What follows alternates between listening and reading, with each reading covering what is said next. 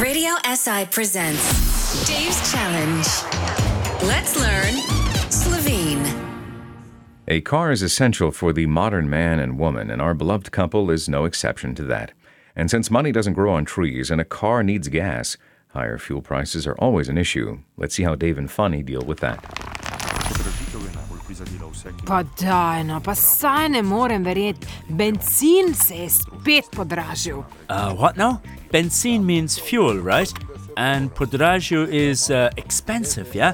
So what, the fuel prices went up again? Pa ja, se mi zdi, da je vsak teden višja cena, no. Haha, Not for me, Fanny. You know, I always fill up the car for the same amount 30 euro. Ja, no, saj zato pa vedno, ko jaz rabim avto, vidim, da je na rezervi. Res super. Ti in tvoj vedno tankam za isti denar. now, wait a minute. Now, hang on, Fanny. You can't say that. I mean, you can't say I always leave it on reserve. Okay, here's what we're gonna do.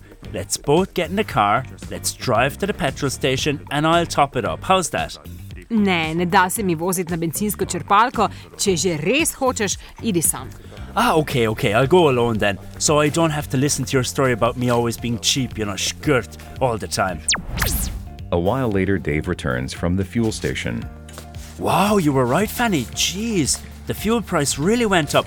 The price for regular is off the charts. Ja, 95-oktanski bencin se reče po slovensko.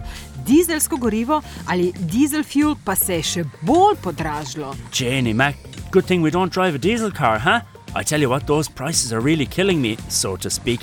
Well, do you know what, Fanny? To ease the pain, I brought you some ice cream and a beer for me. You know, just to wash down the sandwich I bought at the fuel station.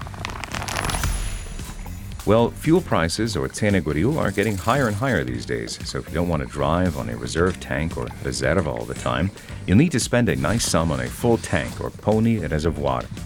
The price also varies depending on the kind of fuel, either regular or 95 octane or oktanski benzene, or diesel fuel or just diesel in Slovene. But people like Dave don't just buy gas at the fuel station or benzinska črpalka, they buy all sorts of things like ice cream, beer, and even sandwiches. And that can make prices even more expensive. Dave's Challenge. Your daily dose of Slovene language. Want more? Tune in again tomorrow or catch all episodes on our podcast.